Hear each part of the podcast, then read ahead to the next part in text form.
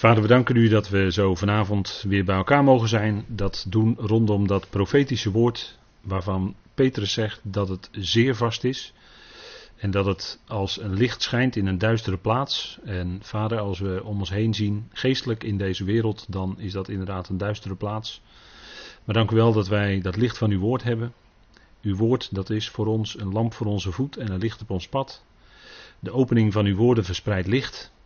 Dank wel dat uw zoon ook het licht van de wereld is en dat hij dat licht in ons hart heeft aangedaan. Dank wel voor dat, die genade, Vader, dat u ons dat heeft geschonken. Dat is om niet, dat is in tegenstelling tot onze verdiensten.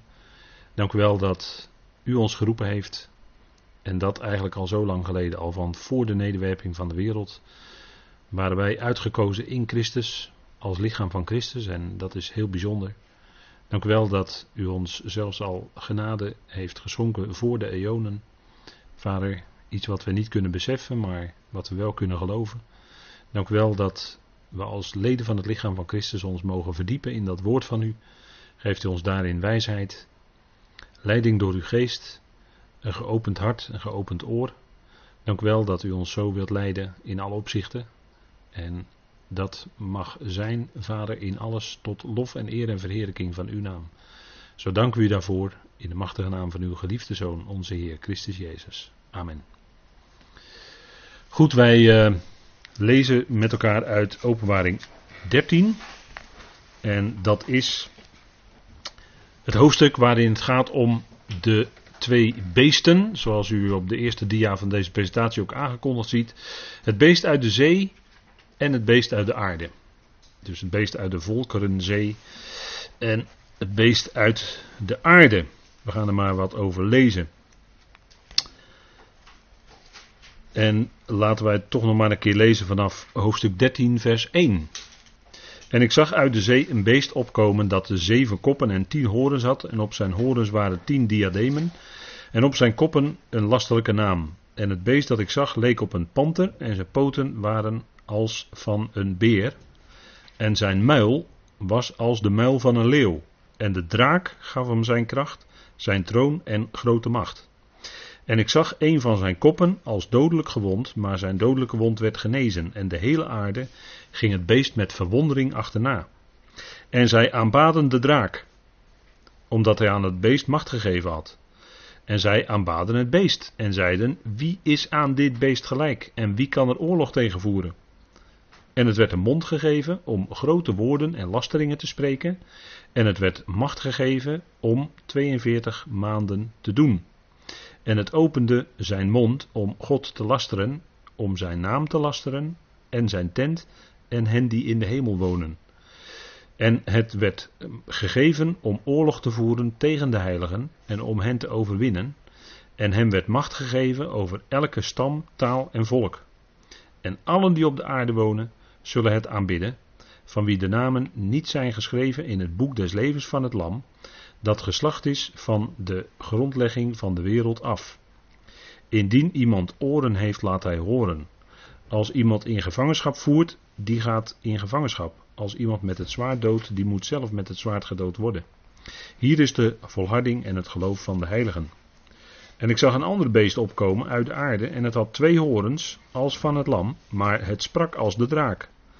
En het oefent al de macht van het eerste beest voor zijn ogen uit, en het maakt dat de aarde en zij die er wonen, het eerste beest aanbidden, waarvan de dodelijke wond genezen was. En het doet grote tekenen, zodat het zelfs vuur uit de hemel laat neerkomen op de aarde voor de ogen van de mensen. En het misleidt hen die op de aarde wonen door middel van de tekenen die het gegeven zijn te doen voor de ogen van het beest. En het zegt tegen hen die op de aarde wonen dat zij een beeld moeten maken voor het beest dat de wond van het zwaard had en levend werd. En hem werd gegeven om een geest te geven aan het beeld van het beest, opdat het beeld van het beest zelfs zou spreken en zou maken dat allen die het beeld van het beest niet zouden aanbidden, gedood zouden worden. En het maakt dat men aan allen, kleinen en groten, rijken en armen, vrijen en slaven, een merkteken geeft op hun rechterhand of op hun voorhoofd. En dat niemand kan kopen of verkopen, behalve hij die dat merkteken heeft, of de naam van het beest of het getal van zijn naam. Hier is de wijsheid. Wie verstand heeft, laat hij het getal van het beest berekenen, want het is een getal van een mens en zijn getal is 666. Nou, dat is heel wat, wat zo klinkt hè, in één hoofdstuk. wat al veel pennen en monden in beweging heeft gezet, dit hoofdstuk. En uh, dat is, daar, de, daar is nog zeker geen einde aan. Dat zal nog heel wat uh, pennen en, uh, in beweging zetten, denk ik. Zeker op het hele grote internet, hè, waar heel veel te vinden is. Maar ja, wat is goede informatie en wat niet? Nou, de beste informatie is toch altijd uit de Bijbel zelf. Dus daar houden we het voorlopig nog maar even op. En dat is betrouwbaar. Dat woord is betrouwbaar. Dat woord kunnen we vertrouwen. En God zal zijn woord vervullen. Zal zijn beloften waarmaken. Dat is wat hij doet. En anders niet. Alle speculaties van mensen, alle gedachten die mensen hebben of conclusies. Ja, dat is misschien aardig, maar God zal alleen zijn woord zelf vervullen. En dat tot in detail nauwkeurig. Dat is in het verleden al gebleken. Het blijkt en het zal ook in de toekomst blijken. Nou, we hebben met elkaar vorige keer heel even gekeken naar 2 Thessalonicense 2. En ik heb op deze dia, dat is dia nummer 2 van deze presentatie, dat, daar heb ik uh, een schemaatje gezet. Zoals dat hoofdstukje 2 Thessalonicense 2 in de structuur staat. En die tweede Thessalonicense brief, die spreekt over, waar, waar ook openbaring 13 over gaat, over de onthulling van de wetteloze. Oftewel het beest. En dat is toch wel heel wat. Want daar heeft Paulus het over in 2 Thessalonicense 2. En die tweede brief werd geschreven naar aanleiding van verontrusting onder die gemeenteleden daar. Die dachten namelijk dat de dag van de Heer, de dag van Yahweh, zoals die aangekondigd is in profetie, die dachten dat die dag al aangebroken was. Gelet op de grote verdrukking, de grote druk waar ze onder stonden. En ze dachten misschien wel dat dat al de grote verdrukking was, waarvan de profeten ook hadden gesproken. U weet wel, de benauwdheid van Jacob uit Jeremia 30. Daar wordt de grote verdrukking genoemd de benauwdheid van Jacob. Dan heten ze nog niet Israël, maar dan heten ze nog Jacob, weet u wel. Als u begrijpt wat ik bedoel. Jacob die uh, moest eerst nog in de worsteling met de Heer bij de Jabok. En daar, dat is een, trouwens een mooi stukje, daar wordt in het Hebreeuws uh, een woordspel gedaan met Jabok en Jacob en, enzovoort enzovoort. Maar Jacob moest eerst die worsteling met Yahweh die nacht of met de boodschappen van Yahweh doormaken. En die sloeg hem aan zijn heup. En vanaf die dag ging die mank. En daarna heette hij Israël. En toen was er wel iets wezenlijks veranderd. Want toen kon hij Esau tegemoet. En toen was het ook, kwam er ook verzoening zelfs met Esau. En u kent de hele geschiedenis wel van Jacob en Esau. Dat ging over het eerstgeboorterecht. Genesis, dat gaat, gaat, heel vaak over dat eerstgeboorterecht. En dan blijkt dat de tweede toch het eerstgeboorterecht krijgt. He. Niet de letterlijke eerstgeborene krijgt het. Maar de tweede, dat gaat in heel veel gevallen op in Genesis. Zo ook in Jacob en Esau. En dat niet alleen, maar goed, dat voert nu even te ver om daar dieper op in te gaan. Maar Jacob werd Israël. Jacob was eerst de vasthouder, want zo kun je zijn naam ook vertalen. Wij vertalen hem vaak met hiel en dan een beetje negatief met hielen lichter. Maar wat deed Jacob bij de geboorte? Hij hield de hiel van zijn broer vast. En ik denk dat dat niet vaak te zien zal zijn als er tweelingen geboren worden. Dat de tweede de hiel van de eerste vasthoudt. Maar bij Jacob en Esau gebeurde dat wel. Het was trouwens sowieso een bijzonder duo. Want van tevoren had God al tegen Rebecca gezegd dat de oudere zal de jongere dienstbaar zijn. Of de grotere zal de mindere dienen. En dat was nog voordat zij goed of kwaad hadden kunnen doen. Dus dat lag, die beslissing van vader, van de Heer, die was niet afhankelijk van menselijke prestaties of van menselijk doen, van kwaad of goed wat ze gedaan hadden. Dat, dat is bij Jacob en Esau, hè? dat herhaalt Paulus in uh, Romeinen 9 bijvoorbeeld. Hè? Jacob heb ik lief en Esau haat ik. Nou, haten staat, betekent op de tweede plaats stellen in de schrift. En dat had God al van tevoren, zei hij dat al over dat duo, hè? Hoe het zou gaan in hun leven, had God van tevoren dus al bepaald. En tijdens hun leven zorgde God er ook voor dat het ook zo ging natuurlijk. Want hem loopt niets uit handen. En hoe een mensenleven gaat, dat is volledig in zijn hand. dat zegt Psalm 139 toch? Dat uh, voordat wij geboren zijn, God al onze dagen al kent. En ook precies hoeveel dagen het zullen zijn dat wij leven. Dat weet God van tevoren natuurlijk. Want God is veel en veel en veel groter dan wat wij zijn. Als we praten over God en mens, dan zijn de verschillen enorm. Nou, zo kon hij dat leven van Jacob en Esau sturen. Precies welke kant hij het op wilde laten gaan. En dat al die gebeurtenissen, dat was door God natuurlijk allemaal al voorzien. En Jacob werd Israël. Jacob werd Israël. En zo zal het volk, wat dan nog Jacob heet en wat nu nog steeds eigenlijk Jacob genoemd moet worden, wat wel daar in dat land is, maar dat volk zal later Israël heten. Ja, en dat kun je ook wel weer, hè? de naam Israël, ja, dat is Hebreeuws, ja, dat kun je ook niet allemaal op één manier vertalen, die naam. Maar het kan ook betekenen, bijvoorbeeld, oprecht met God. Kan.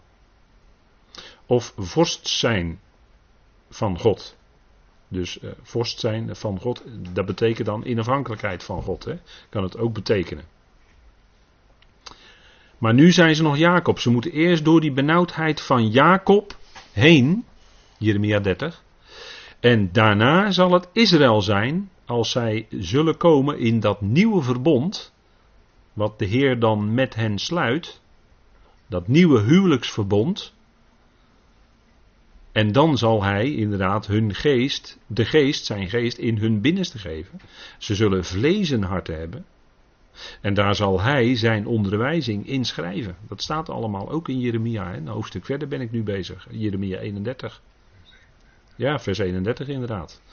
Tot en met vers 34. Dat is het nieuwe verbond. Hè? Daar staat dat allemaal. Wordt uitgebreid aangehaald in Hebreeën 8. Hè? Wordt zeer uitgebreid. Dus het meest uitgebreide citaat in het Nieuwe Testament uit het Oude. Hebreeën 8. Jeremia 31. Lees het maar na, zou ik zeggen. Maar dan komen ze in het nieuwe verbond. Maar ze moeten eerst door die grote verdrukking heen. En die Thessalonicenzen dachten dat die dag des Heren al aangebroken was. En de dag des Heren begint met de dag van toren. Dat zou voor ons gewoon ABC moeten zijn. Hè, als we deze profetieavonden allemaal gevolgd hebben. Hè, dan eh, mag u dat zo langzamerhand wel weten, denk ik. En wat gaat Paulus dan zeggen? Die verontrusting, om die verontrusting onder die Thessalonicenzen weg te nemen. Hij grijpt terug op zijn eerste brief, waarin hij gesproken heeft over de bazuin. En waarin hij gezegd heeft dat wij als lichaam van Christus niet gesteld zijn tot verontwaardiging. 1 Thessalonicense 5, vers 9 tot en met 11. Maar wij zijn gesteld tot redding door onze Heer Jezus Christus. Dat is ongeacht onze geestelijke situatie. Of dat we slapen of waken. Dat doet er niet toe. Het is een genademoment. Het is ongeacht onze levenspraktijk, onze levenswandel. Als we lid zijn van het lichaam van Christus. Dat hebben we vorige week ook gezegd in de studie Filippenzen.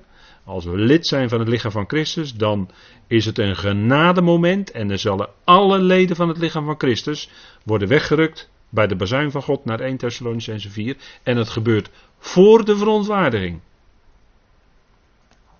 Ja, ja.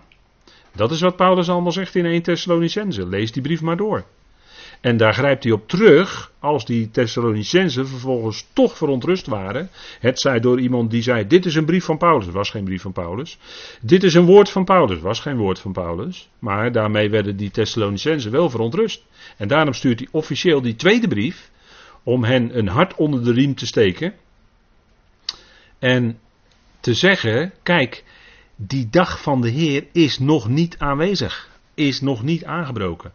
Want hij zegt dat met het oog op die verontruste Thessalonicense. En dan pak ik 2 Thessalonicense 2 er even bij. Hij schrijft met het oog op de aanwezigheid van onze Heer. Vers 1. En onze opzameling, dat is een heel mooi woord. Er staat episynagoge. Dat betekent letterlijk op samen voeren. Dus een samengesteld woord, drie Griekse woordjes. Op samen voeren. Dat zijn de letterlijke Griekse woorden. En dat, dat houdt in onze episynagoge. Dat is onze opzameling. En dat is een hele mooie term die Paulus dan gebruikt voor de wegrukking bij de bazijn van God. En dat is die eerste drie versen. Tot en met laat niemand jullie misleiden. En dat is eigenlijk wat op deze, in deze structuur staat. De dag van de Heer nog niet. Want wat moet eerst komen? Vers 3. Komt immers niet de afval eerst. En het woord afval, dat, dat is letterlijk vanaf staan. Of je mag het ook vertalen. En dan ietsje bij ietsje, heel klein beetje bij het Grieks vandaan. Maar afstandneming. Zo mag je het eventueel ook vertalen. de afvalafstandneming. En dan zegt Paulus, dat moet eerst gebeuren. En wat dan pas kan die mens van de wetteloosheid onthuld worden, zegt hij in vers 3. En wordt niet de mens van de wetteloosheid onthuld, de zoon van de destructie.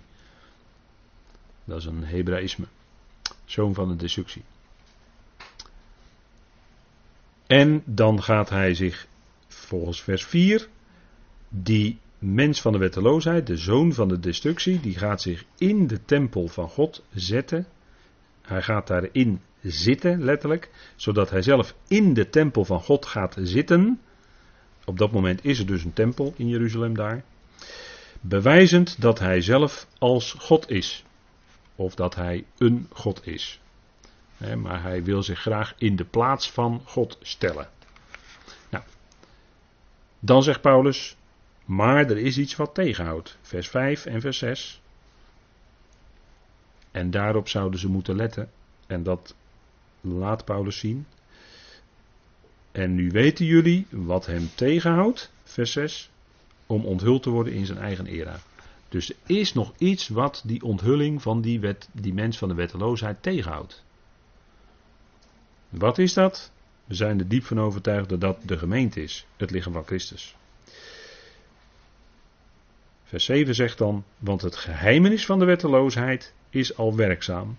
Alleen totdat uit het midden zou worden, en dan hebben we ingevoegd als vertaalgroep weggenomen, maar dat woord staat niet letterlijk in de grondtekst. Totdat uit het midden zou worden, de gedachte is weggenomen, die momenteel tegenhoudt. Dat is het lichaam van Christus. De tegenhouder, om het zo maar te zeggen. En als het lichaam van Christus uit het midden is weggenomen, hè, of is uh, uit het midden uh, is, uh, zou worden weggenomen, hè, dus is, is weggenomen geworden, dan pas kan die wetteloze zich onthullen. Want dat staat in vers 8. Dan zal de wetteloze onthuld worden. En daar spreekt Openbaring 13 over.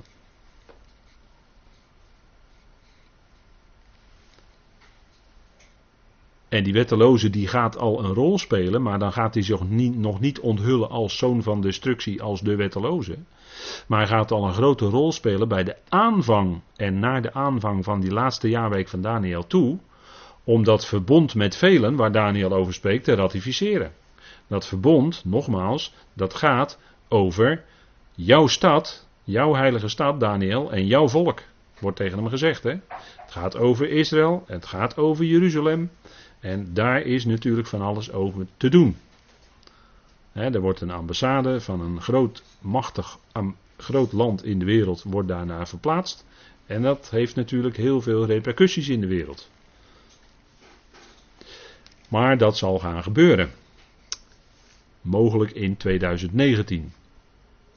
En dat is een signaal, want er zijn nu al meer landen die geneigd zijn om ook hun ambassade naar Jeruzalem te verplaatsen.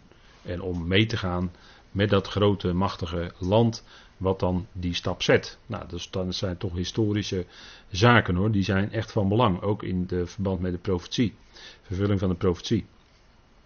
Maar u ziet hier in de structuur, ziet u met ABCD op deze dia, ziet u wat eigenlijk bij elkaar hoort.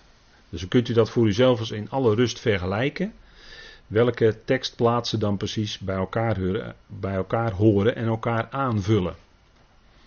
En we zien dus dat er wel duidelijk dingen moeten gebeuren. Eerst moet die tegenhouder weggenomen worden. En dan kan, ja, wat mij betreft, de afval uh, gaan plaatsvinden. Dus echt het grote afstand nemen. Als u het mij vraagt van het geloven van Gods woord. Hè, de, dat, dat is natuurlijk toch al aan de gang. Hè, dat men Gods woord niet meer uh, serieus neemt. Hè. Onlangs, uh, ja, ja, ja, onlangs is dominee Nico Telinde overleden, weet u wel. Nico Telinde. Vrijzinnige dominee, is afgelopen weekend overleden. 81-jarige leeftijd. En die is vrijzinnig. Dus hij zegt van ja, hij zegt ja, vroeger geloofde ik als een kind.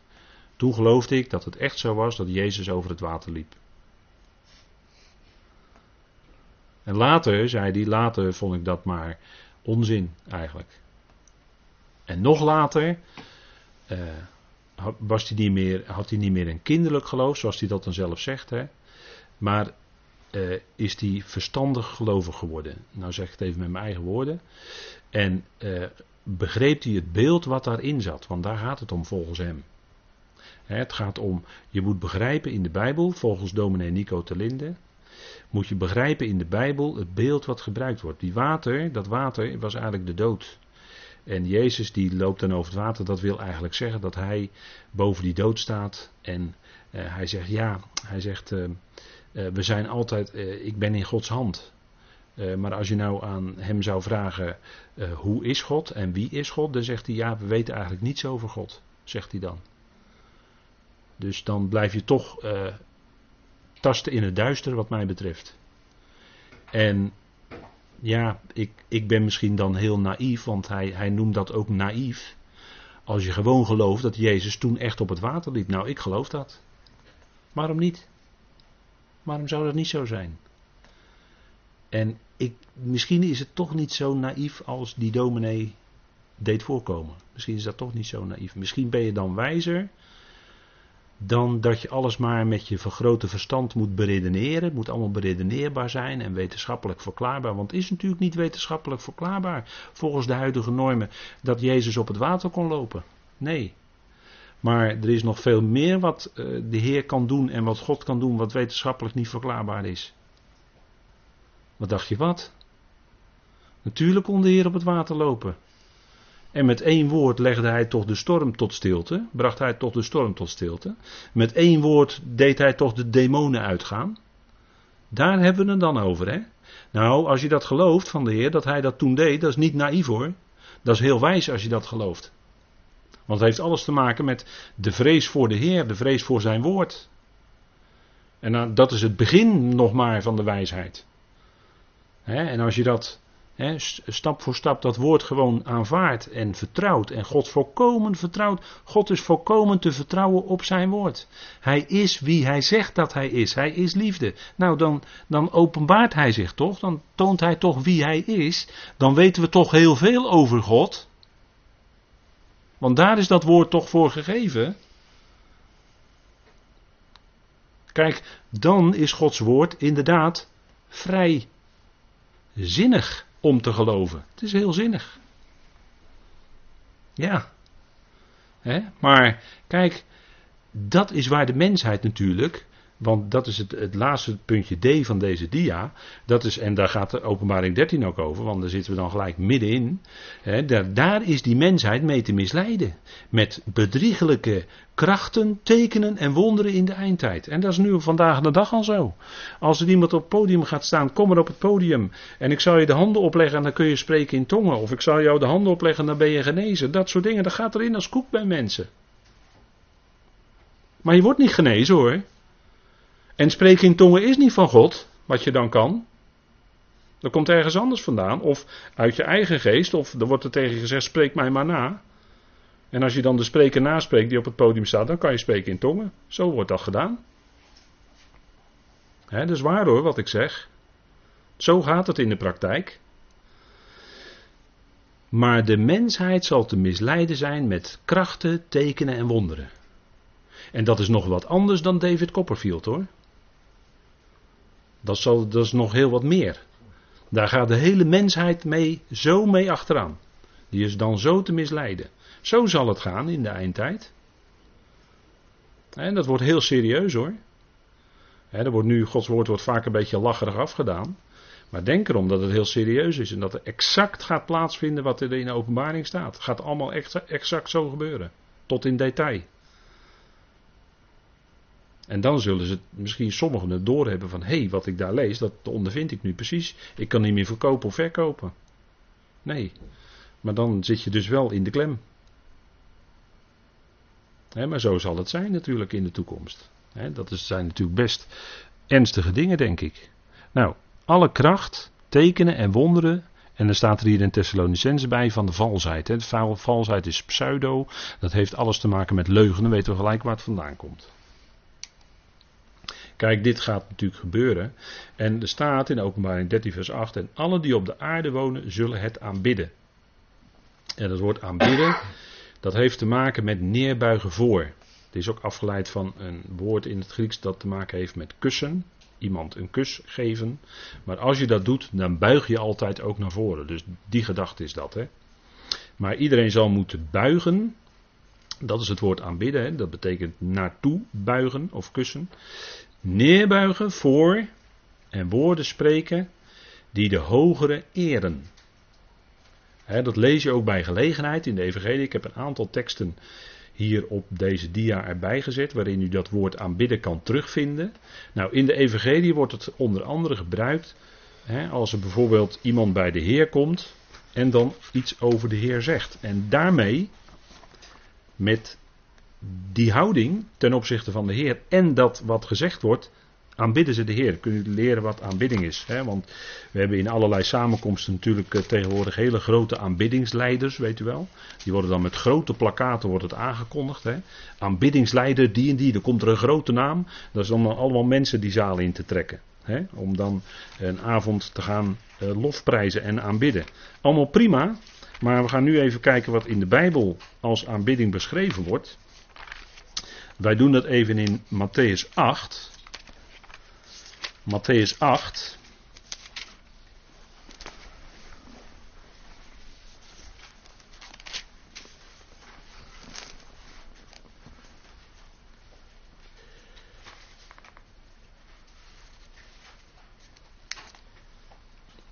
En daar lezen we dan in vers 1. En toen hij, dat is de Heer Jezus, van de berg afgedaald was, volgde een grote menigte hem.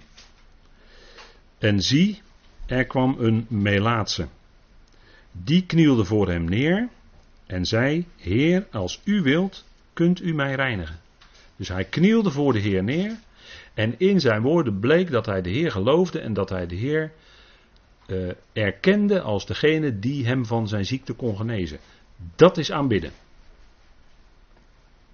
De Heer eigenlijk prijzen als de genezer, degene die in staat was om die ziekte bij hem te genezen. En hij knielde voor hem neer. Nou, die combinatie, dat is aanbidden. En dit is natuurlijk positief zoals het hoort. Wij horen te knielen voor de Heer, want Hij is de grotere dan wij. Wij horen te knielen voor de Heer. Maar in de eindtijd zal het zo zijn dat dus die wetteloze die aanbidding voor zichzelf gaat opeisen. En in die wetteloze aanbidden ze de draak. Eigenlijk, hè? Aanbidden ze de Satan. En daar was natuurlijk Satan van meet aan om te doen. Die, uh, ja, daar gebruikt hij natuurlijk eh, leugens voor, dus tekenen en wonderen van valsheid inderdaad. Bedriegelijke, leugenachtige tekenen en wonderen. Die gebruikt hij dan om die aanbidding voor zich op te eisen. En dat is precies het uh, refrein wat van, al in het begin gebeurde bij Adam en Eva. Dat was eerst dat woord van God verdraaien en vervolgens de plaats zelf van God innemen. Dat is wat de tegenstander wil. Hè? En dat zei hij ook in, in Matthäus 4, dat is ook een tekst die aangehaald wordt. Uh, Matthäus 4, vers 10 zegt eh, de Heer als antwoord dat de tegenstander wil, tegen hem heeft gezegd van nou joh, als je nou voor mij knielt, dan, hij liet hem alle koninkrijken van de hele wereld zien, als je nou voor mij knielt en mij aanbidt, dan geef ik jou al die koninkrijken. En de Heer zegt, er staat geschreven, gij zult de Heer uw God alleen dienen en hem alleen aanbidden. Uit Deuteronomium was dat de citaat. En zo antwoordde, pareerde de Heer met het woord de verleiding van de tegenwerker. En hij ging daar uiteraard niet in mee, maar hij pareerde met er staat geschreven. Daar hield hij het bij. Dat zouden wij ook doen. Hè? En we kunnen nog een voorbeeld zien, een soortzelfde soort voorbeeld in Matthäus 9, vers 18.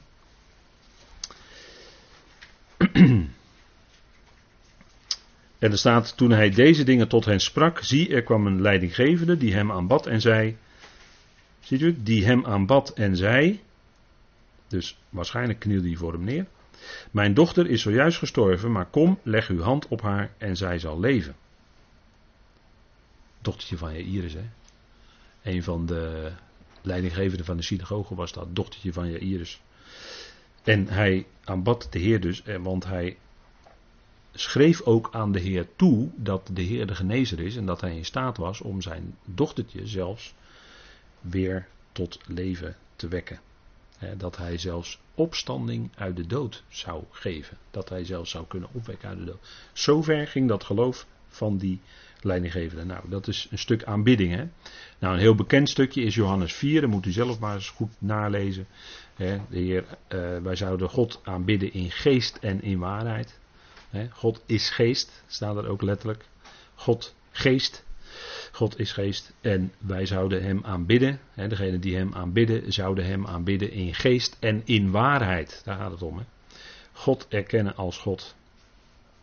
Nou, dat is wat hier uh, gaat. Dit is een uh, profetie in uh, Openbaring 13.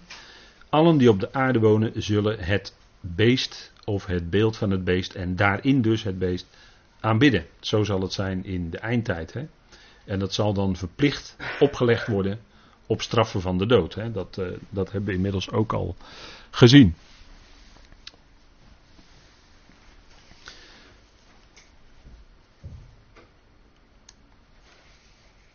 Van wie de namen, wie zullen dat aanbidden? En dan staat er, van wie de namen niet geschreven zijn in de boekrol van het leven van het lammetje. Dat is, ja, het staat nou eenmaal lammetje in het Grieks, dus een verkleinwoord.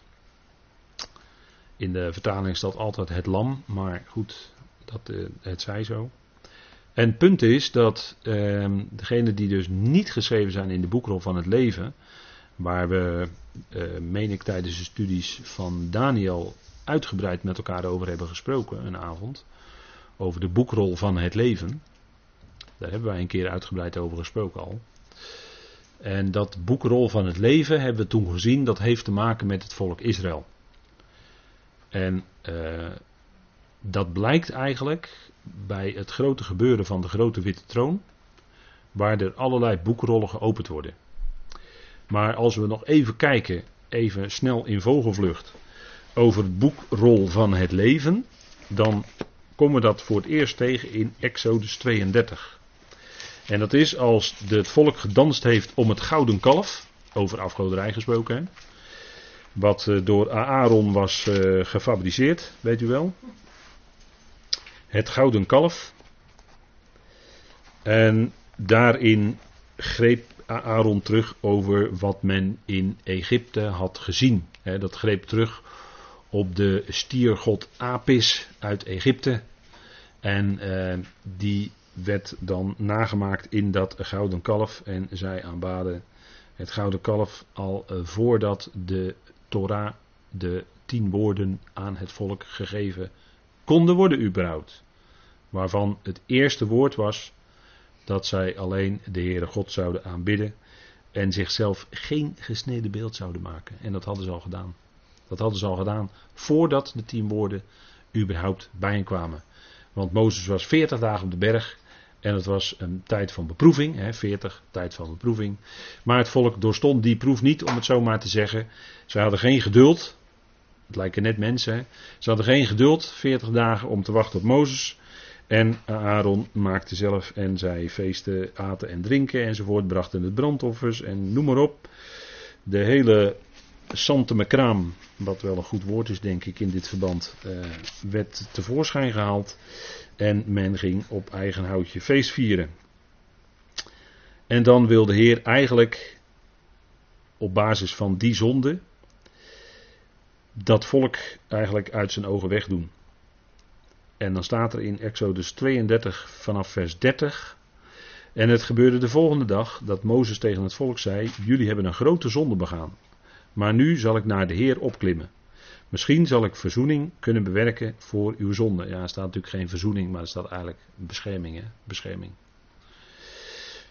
Verzoening is eigenlijk uh, een ander woord wat we bij Paulus tegenkomen. Toen keerde Mozes terug tot de Heer en zei: Och, dit volk heeft een grote zonde begaan. Want ze hebben voor zichzelf een gouden God gemaakt. Dat is wat mensen doen, hè? die maken zichzelf een God in plaats van de enige ware God die ze zouden dienen. Dat kan eh, in allerlei mogelijke vormen zijn hoor. De, alles wat in een leven van de mens de plaats inneemt van God, is een afgod. Kan alles zijn. En dan vers 32. Nu dan, of u toch hun zonde wilde vergeven. of u toch hun zonde wilde dragen. Eigenlijk staat er een woord dat betekent um, iets optillen en dan als last op je nemen. Dus uh, last eigenlijk van de ander afnemen en op je eigen schouder nemen. Die gedachte heeft dat woord in zich. Hè. Er staat in het Hebreeuws dan het woord uh, naza. En dan zegt Mozes, maar indien niet, schrap mij alstublieft uit uw boekrol dat u geschreven hebt. Hé, hey, hier is de boekrol van het leven. Hier komt eigenlijk voor het eerst die boekrol van het leven naar voren. Hè? En dan is het antwoord, toen zei de Heer tegen Mozes, wie tegen mij zondigt, zal ik uit mijn boek schrappen. Dus die Israëlieten stonden daar kennelijk ingeschreven, maar door die zonde konden zij er ook uitgeschrapt worden. En even kijken weer naar Openbaring 13, vers 8. Van wie de namen niet geschreven zijn in de boekrol van het leven van het lammetje. Ze pleegden afgoderij. En als die gaat om de mensen van het volk Israël, plegen zij afgoderij op een ontzettende manier. En we zien hier in Exodus 32 al wat daarvan dan de consequentie is. We komen het ook tegen in Psalm 69.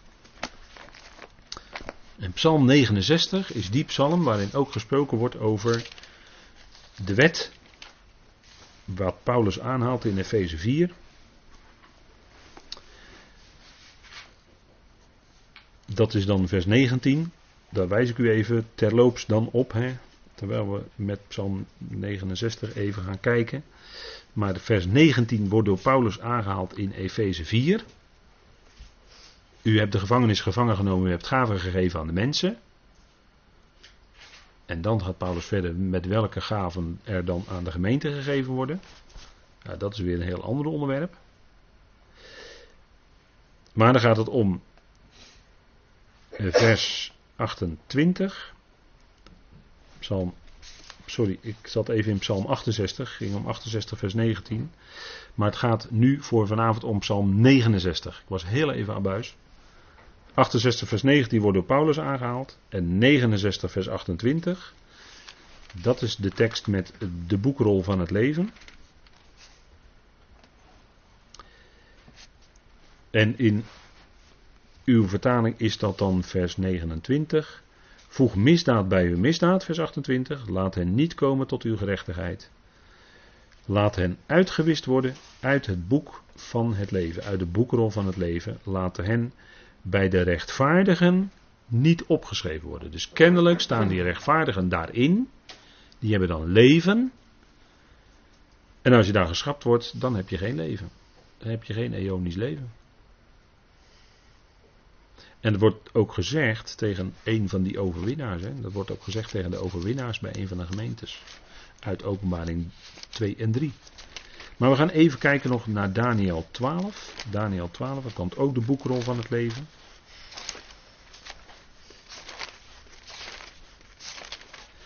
Daniel 12 en dan vers 1.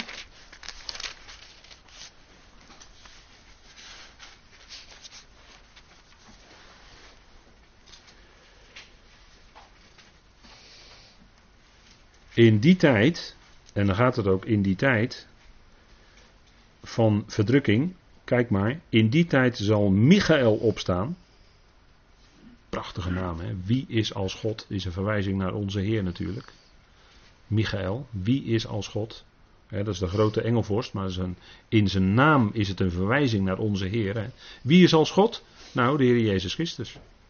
Wil je zien wie God is? Wie is het beeld van God? Dat is Hij dus het antwoord op de vraag wie is als God, is ons eerste antwoord. Ja? Christus. Christus, hè? De grote vorst, die, hij die uw volksgenoten bijstaat, het zal, hè, dus een, hij is betrokken bij Israël, hè, want er wordt hier gezegd, hij die uw volksgenoten bijstaat. Dus Michael is een engel, een, een geestelijke engelvorst, hè, een geestelijke boodschapper, een grote vorst, die Israël bijstaat. En die had op een gegeven moment een conflict met de vorst van Perzië. Weet u wel, in uh, Daniel 10. En dat duurde drie weken en dat was de tijd dat Daniel in gebed was. En dan ziet u ook dat die dingen met elkaar te maken hebben. De geestelijke wereld, daar weten wij lang niet alles van. Daar weten we eigenlijk maar heel weinig van, denk ik wel eens.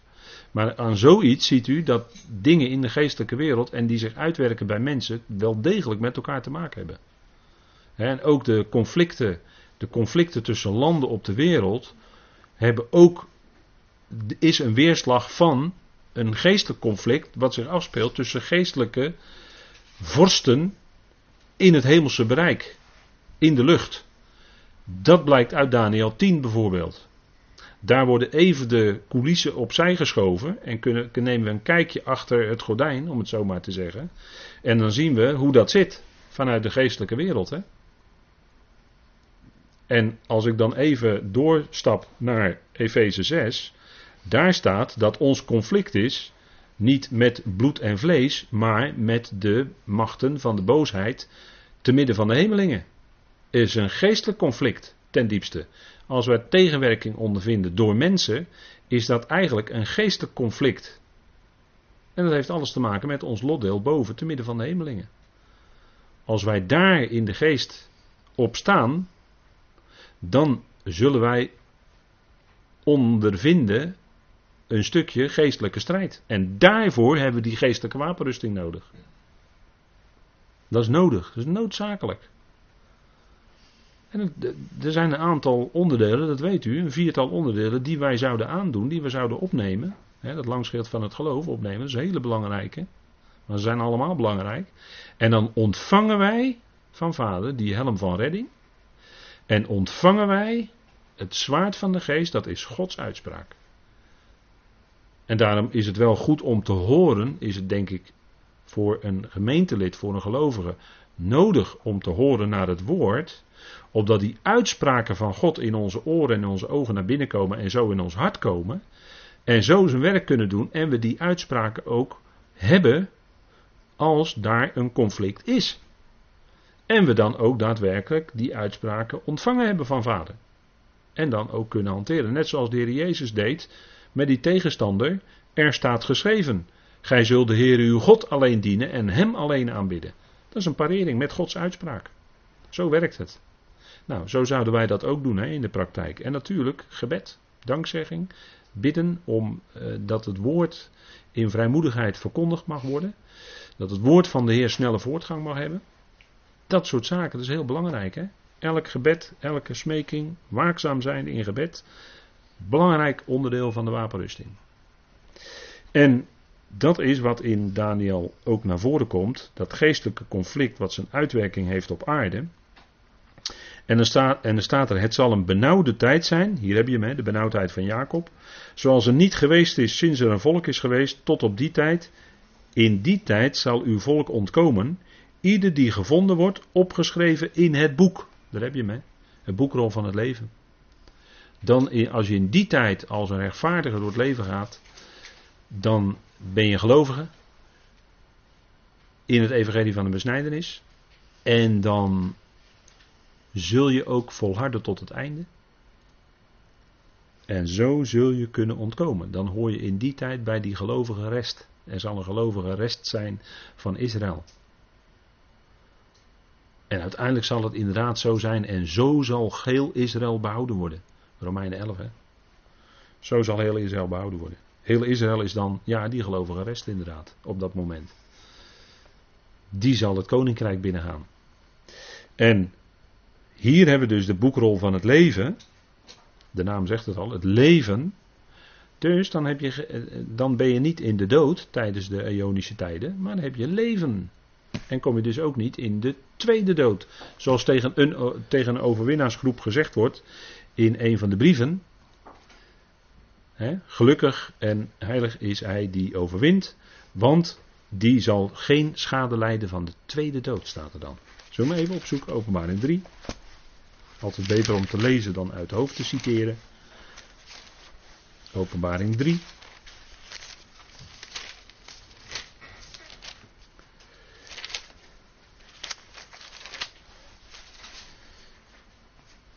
Maar dat hebben we al besproken met elkaar natuurlijk. Dat is, uh, de, dat is de boodschap aan Sardis. Vers 5. Wie overwint zal bekleed worden met witte kleren. En ik zal zijn naam beslist niet uitwissen uit het boek des levens, het boekrol van het leven. Maar ik zal zijn naam beleiden voor mijn vader en voor zijn boodschappers. Nou, weer boek des levens. Hè? En staat er.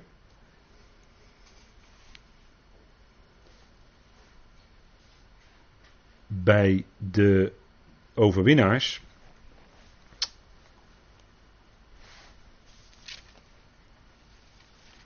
geldt dan ook dat iemand die overwint geen schade zal ondervinden van de tweede dood. Hè. Dat staat in hoofdstuk 2, vers 11 bij Smyrna. En dat is natuurlijk, dat kun je zo koppelen aan die opmerking over de boekrol van het leven. Er staat wie oren heeft, laat hij horen wat de geest tegen de gemeente zegt. Wie overwint zal zeker geen schade toegebracht worden door de tweede dood. Ziet u het? Dat is hetzelfde als ingeschreven staan in die boekrol van het leven. En dan als laatste wordt natuurlijk hier in openbaring 13 genoemd en ook in openbaring 17, boekrol van het leven. En dan gaan we even snel door naar openbaring 20, vers 15. Dat is het grote gericht, het grote eindgericht bij de grote witte troon. Dat is natuurlijk beeldspraak, hè. Er gaat natuurlijk niet een, eh, een wit bankstel of zo ergens staan. Maar, maar er zal uh, een gerichtsmoment zijn. En waarom die groot en wit genoemd wordt, ja, dat, dat is dan voor een andere keer. Maar er staat dat de doden, dan is er een plaats, dan is er, uh, dan vindt er een opstanding plaats.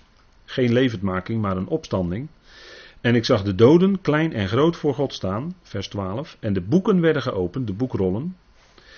En nog een ander boek werd geopend. Van het leven. Dus er werden boekrollen geopend. En nog een andere boekrol, die van het leven. En de doden werden geoordeeld overeenkomstig wat in de boeken geschreven stond, naar hun werken. En die boekrollen,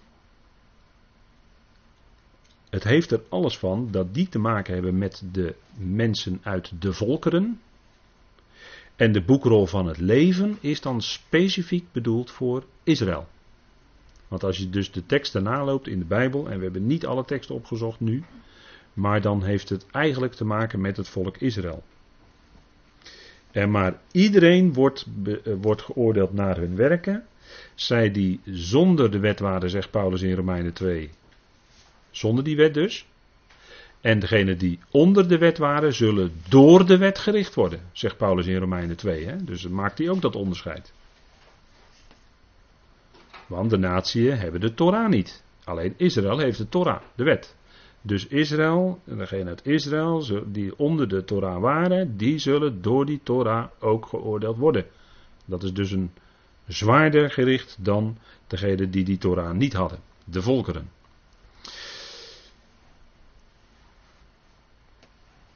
En dan wordt er, wordt er dus gezegd van dat diegenen die voor die witte troon waren, die zullen geworpen worden in de poel van vuur, vers 14. Dit is de tweede dood, zeggen we er ook heel snel bij. Hè?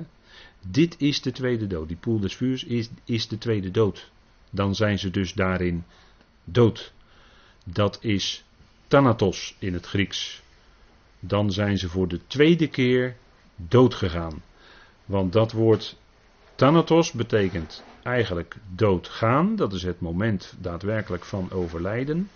En dan is er een ander woord dat betekent sterven. En er is ook nog een ander woord dat betekent dood zijn. Dat laatste woord is necroon in het Grieks. Dat zijn dus verschillende woorden. En daar zouden we goed onderscheid in maken. En hier gaat het om de tweede dood. Dus degenen die in die poel des vuurs zijn, die zijn daarin dood. Die worden daarin niet gepijnigd. Die hebben daarin geen bewust bestaan. In weerwil van artikel 37 van de Nederlandse geloofsbeleidenis. Want die jokt. Die jokt. Maar wat hier staat, zo zit het. Vers 14 zegt: De poel van vuur, dat is de tweede dood. Ja, dat is. En ik hamer er maar weer eens op. Want dit is ontzettend belangrijk. Dat we dit goed weten uit de schrift. Hè?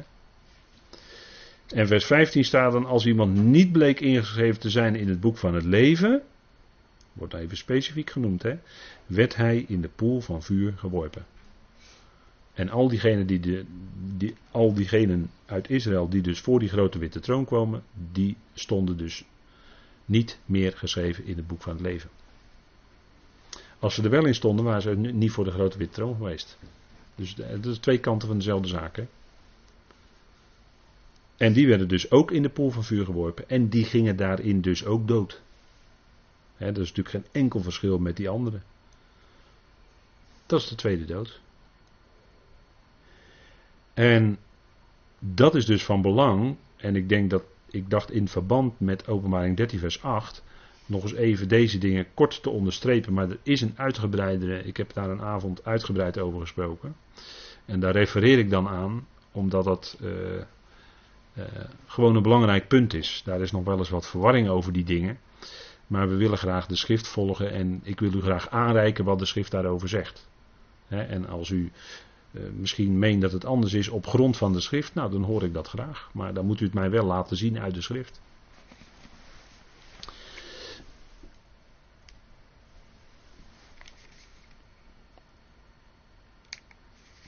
En dan wordt er van dat lammetje geslecht, gezegd, en dat is natuurlijk, dat lammetje is natuurlijk onze Heer. Hè, dat is een verwijzing, dat is een beeldspraak over onze Heer. Want hij was het lam wat Johannes zag. Hè. Zie het lam van God dat de zonde van de wereld wegneemt. Ook iets wat je kan geloven. En als je dat echt gelooft, dat is heel, heel fijn hoor. Als je dat echt gelooft, dan is dat bevrijdend. Hij heeft de zonde van de wereld gedragen. Hij heeft dat weggenomen. Dat is geweldig. Hè, dat lam. En er wordt hiervan gezegd dat geslacht is vanaf de nederwerping van de wereld. En die nederwerping van de wereld, dat is het grote scheidpunt tussen wat Petrus zegt in 2 Petrus 3, vers 5 en 6, de wereld die toen was. Daarna, hè, daar was dus die wereld, en dat was feitelijk de eerste eon. Dan krijg je de nederwerping, die ik op deze dia met die pijl naar beneden, met die grote N eronder, als aanduiding van nederwerping. En daarna heb je de wereld van de voortijd. En er is met alle twee die werelden is iets gebeurd met water. Heel veel water. Maar de eerste was veel meer water nog. Want toen laat ik het maar zo zeggen, waren de hemelen en de aarde helemaal volgelopen met water. Laat ik maar even zo zeggen. Alles was vol water. dat, eh, dat zegt Petrus ook. He. Laat maar even opzoeken. 2 Petrus 3, vers 5 en 6. dat zijn. Uh, dat is als antwoord. Voor, uh, geeft Petrus dan op de spotters, weet u wel. De spotters, die zijn er vandaag ook hoor. Legio. Dit moet u allereerst weten, vers 3, 2 Petrus 3, vers 3, dat er in de laatste der dagen spotters zullen komen die naar hun eigen begeerte zullen wandelen en zeggen: Waar is de belofte van zijn komst? Vanaf de dag dat de vaderen ontslapen zijn, blijven alle dingen zoals vanaf het begin van de schepping. Dat lijkt heel verdacht veel op een bepaalde theorie. Een theorie die geen rekening houdt met catastrofes volksverhalen overal, van, van oudsher, die spreken wel over een cataclysme hoor, over een catastrofe. Ja, ja, ja, zeker. Er zijn heel veel volksverhalen over bekend. Er is een heel boek over volgeschreven, heel mooi boek. Die, iemand die heeft dat allemaal uitgezocht. En dat komt allemaal heel sterk overeen met een enorme watervloed die er geweest is. Wereldwijd. Allemaal volksverhalen. Wat denkt u waar die verhalen vandaan komen? Dat ze dat zomaar uit de grote duim hebben gezogen? Natuurlijk niet. Kom, kom. Nee, dat komt natuurlijk wel ergens vandaan. Er is wel degelijk iets gebeurd hoor. Overigens, als je eerlijk bent, maar dan moet je wel eerlijk zijn. Eh, Geologen die kunnen in de aardlagen ook wel dingen terugzien hoor. Die kunnen aanwijzen dat er een catastrofe is geweest. Dat lagen heel snel op elkaar zijn gekomen. Maar niet, niet, niet door een hele, hele langdurige ontwikkeling van misschien wel miljoenen en miljarden jaren. want dan kijken we ineens niet meer op. Uh, uh, ging die vlinders, was 70 miljoen jaar was dat, hè, geloof ik, die vlinders, ja. 70 miljoen jaar hadden ze zich vergist, ja, klein foutje. Kan gebeuren natuurlijk. We weten het precies, 70 miljoen jaar, ja. Maar goed, men denkt en men zegt dan in die theorie, let op theorie, hè, dat alles geleidelijk aan zo steeds maar uh, is doorgegaan. Hè? En daar gebruiken ze dan ook bepaalde methodes voor om de oudheid van iets vast te stellen, maar die houden ook geen rekening met, zeg ik maar heel zacht even nu, die houden ook geen rekening met catastrofes die er wel geweest zijn. Dus het klopt eigenlijk niet wat ze dan zeggen. Maar goed, dat zeg ik heel zacht. Hè? Maar dat is wat je hier terugleest in Petrus. En het is net alsof we in de wereld om ons heen kijken. Hè? Dat er spotters zijn die zeggen: ja, alles dingen zijn gelijk. En het is een hele langzame, langdurige ontwikkeling vanaf het begin van de schepping. Nou ja, goed, die spreken dan nog wel over schepping. Hè? Ja, het alternatief is: eh, eerst was er niets en dat ontplofte ook nog. Ook een beetje vreemd, hè? Als er niks is en het kan wel ontploffen. Maar goed, ja. Het zal wel mijn naïviteit zijn, mijn beperkte verstand. Maar vanaf het begin van de schepping. Nou, daar houdt het maar op, hè, schepping. Het is veel makkelijker, vind ik, om te geloven. Want willens, let op, hè, heel mooi vertaald hier. Willens, hè, zij willen dat het een onbekend is dat, dat door het woord van God de hemelen er reeds lang geweest zijn evenals de aarde die uit water en in water vaststaat. Let op het water, hè, wat hier genoemd wordt. Daardoor is de wereld die er toen was, vergaan, overspoeld door wateren. En Petrus heeft het hier over de hemelen en de aarde, dat het allemaal vol water was. Hè? Daar heeft hij het over. Dat is dus die wereld voor Genesis 1, vers 2. Want we lezen in Genesis 1, vers 2 over water. Er was overal water. En God moest een uitspansel maken, een rakia, dat, waar spanning op staat. Want dat woord, dat wordt ook gebruikt voor je voorhoofd. Maar daar staat spanning op, dus moest hij eerst ruimte in maken en spanning opzetten. En toen zei hij: Kijk, dat uitspansel, dat noem ik hemel. Of hemelen. Zo heeft God dat gedaan.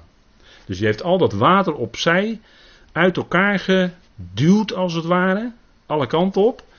En wat er dan in ontstond, als een soort tent, zeg maar, waar spanning op staat, er zat een tentdoek, dat noemt God dan de hemelen. Denkt u daar maar eens over na, dat dat toen zo gegaan is. En dan was er verder wateren, allemaal wateren onder. En God gaat dat dan ook uit elkaar halen. En hij laat eruit oprijzen de aarde. Het droge, want het droge is dan de aarde ten opzichte van die wateren. En dat is precies wat Petrus hier zegt. evenals de aarde die uit water en in water vaststaat. Dat, dat is het, hè. Nou, dat, is, dat was het einde, dat was het gevolg van het gericht van die eerste aion. Dat is die nederwerping, waar zo vaak over gesproken wordt in de Griekse schrift. Kijk maar in de teksten die op deze dia staan. er staan er zo een stuk of tien. En nou zijn er dingen die zijn van voor de nederwerping de wereld. Of hier wordt iets gezegd van voor de nederwerping van de wereld, maar dat weet u wel. Dat het bloed van Christus gekend is tevoren voor de nederwerping van de wereld. Dat is fantastisch, hè? Dus eigenlijk voordat de zonde kwam, want die kwam er door toedoen van de tegenstander, die ook door God als tegenstander geschapen was. Maar voordat die zonde kon komen, was dat bloed van Christus al gekend door Vader. Dus het hele plan lag al lang klaar. Alleen het moest allemaal zo gaan gebeuren. Dat moest. Nou, dan wordt er gezegd, Johannes 17, in dat prachtige gebed, hè, indrukwekkend. God had de zoon lief voor de nederwerping van de wereld. En dan komt het voor ons ineens weer heel dichtbij dat de gemeente, u en ik dus, alle leden, zijn uitgekozen voor de nederwerping van de wereld. dat is wat, dat is, dat is indrukwekkend hoor. En dan worden zo een aantal zaken genoemd die er zijn vanaf de nederwerping van de wereld. Dus er wordt heel duidelijk in de voorzetsels, wordt er heel duidelijk een situering gegeven. Hè? En er wordt een aantal dingen gezegd, onder andere in uh, Matthäus 13, Matthäus 25 enzovoort. En hier dan in Hebreeën 13, vers 8 wordt gezegd dat het lammetje geslacht is vanaf de nederwerping van de wereld. Dus werd door vader al zo gezien als geslacht vanaf toen, hè, vanaf die nederwerping van de wereld. Maar het bloed was al gekend. En dat is hoe God eigenlijk tevoren al alles gereed had. Alles. Zodat zijn hele plan zich kon gaan ontrollen. maar die nederwerping van de wereld is in de Griekse schrift heel belangrijk. je ziet dat het. Dat komt uh, zeker een keer of elf voor. En dat is, dus dat is een heel belangrijk punt. dat is niet grond. Het wordt altijd vertaald met grondlegging, maar dat is incorrect. Er staat in het Grieks kata bole. En dat betekent letterlijk neerwerpen. Want kata is een beweging naar beneden. En ballo is het Griekse woord voor werpen. En bole is dan het zelfstandig naamwoord. Dus nederwerping. Er zit, uh, dat is wat gebeurde als beëindiging van die eerste eon. Dat eindigde in een gericht op de zonde. En toen was er water. Uh, ja, chaos zou je kunnen zeggen. Tehome. Dat is een uh, ja, diepte. En er was chaos. Alles was ondergestroomd. En wat gaat God dan doen in Genesis 1? Die gaat weer orde maken, die gaat ordening maken in datgene wat tot chaos verworden was. Hè. Het was niet oorspronkelijk een chaos, want God heeft de hemelen en de aarde niet als een chaos geschapen. Niet als tohu geschapen, staat in Jezaja. Maar hij heeft dat als een prachtig geheel geschapen ter bewoning, staat in de Bijbel. En dat is ten gevolge van een gericht van God verworden tot chaos. En zo werd die wereld, want het woord wereld is kosmos en dat betekent een geordend systeem. Hè, er zit zowel het woord orde als systeem zit daarin. Een geordend systeem werd tot een chaos en nu moet die chaos weer geordend worden. En dat is dan die tweede wereld. En dat is ook tegelijkertijd de tweede aion. En die hemelen en die aarde die zijn altijd blijven bestaan. Want de wereld van de voortijd, 2 Petrus 2 vers 5, daar heeft God ook een gericht over gebracht. En dat is Noach. Dat is die grote ark. Die Johan Huibers heeft nagebouwd. Twee keer. En die in Urk laatst uh, lossloeg, weet u wel. Met die, met die wind. Grote schade. Maar dat was die ark. Mooi, ik vind het altijd prachtig. denk ik, prachtig Johan, aanschouwelijk onderwijs, beter kan je niet doen. Maar er staat in 2 Petrus 2 vers 5, als God de oude wereld, dat is dan de tweede eon, niet gespaard heeft, maar het achttal van Noach, de prediker van de gerechtigheid, bewaard heeft toen hij de zondvloed over de wereld van de goddelozen bracht. Kijk, Petrus geloofde dat gewoon. Zullen we nou krijgen?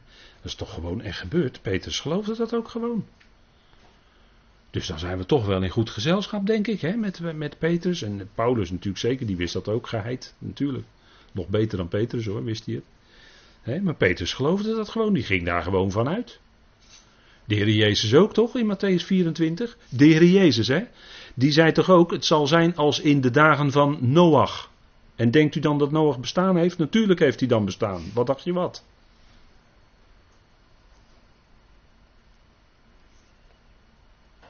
Maar ja, ik dacht vandaag nog, wat zal Nico opkijken als die later voor de Heer Jezus staat? En dus met de Heer Jezus in gesprek gaat. Wat zal die dan opkijken en wat zullen zijn oren tuiten? Dat het toch allemaal waar was wat hij in zijn kindertijd geloofde. Wat zal, wat zal hij opkijken zeg? Hè? Maar ik denk dat moment komt vanzelf. Hij mag nu rusten tot de dag van de opstanding, tot wanneer zijn opstanding is. Wanneer dat dan ook maar is, dat weet ik niet. Daar gaan wij helemaal niet over. Daar gaat de Heer alleen over. Maar als hij dan bij, op een of andere manier bij de Heer is, ja, dan zal hij het allemaal horen. Lijkt me toch geweldig voor hem. Maar kijk, Petrus die ging daar gewoon vanuit, hè? Wat in Genesis staat. Genesis 6, bij Petrus gewoon betrouwbare heilige schrift, hè? Dus dan zijn we toch wel echt wel in goed gezelschap, hoor. Bij degene die door de Heer zelf aangesteld was als leider van de twaalf apostelen. Die, had, die wist dan ook wel uit de eerste hand waar hij over schreef, hoor.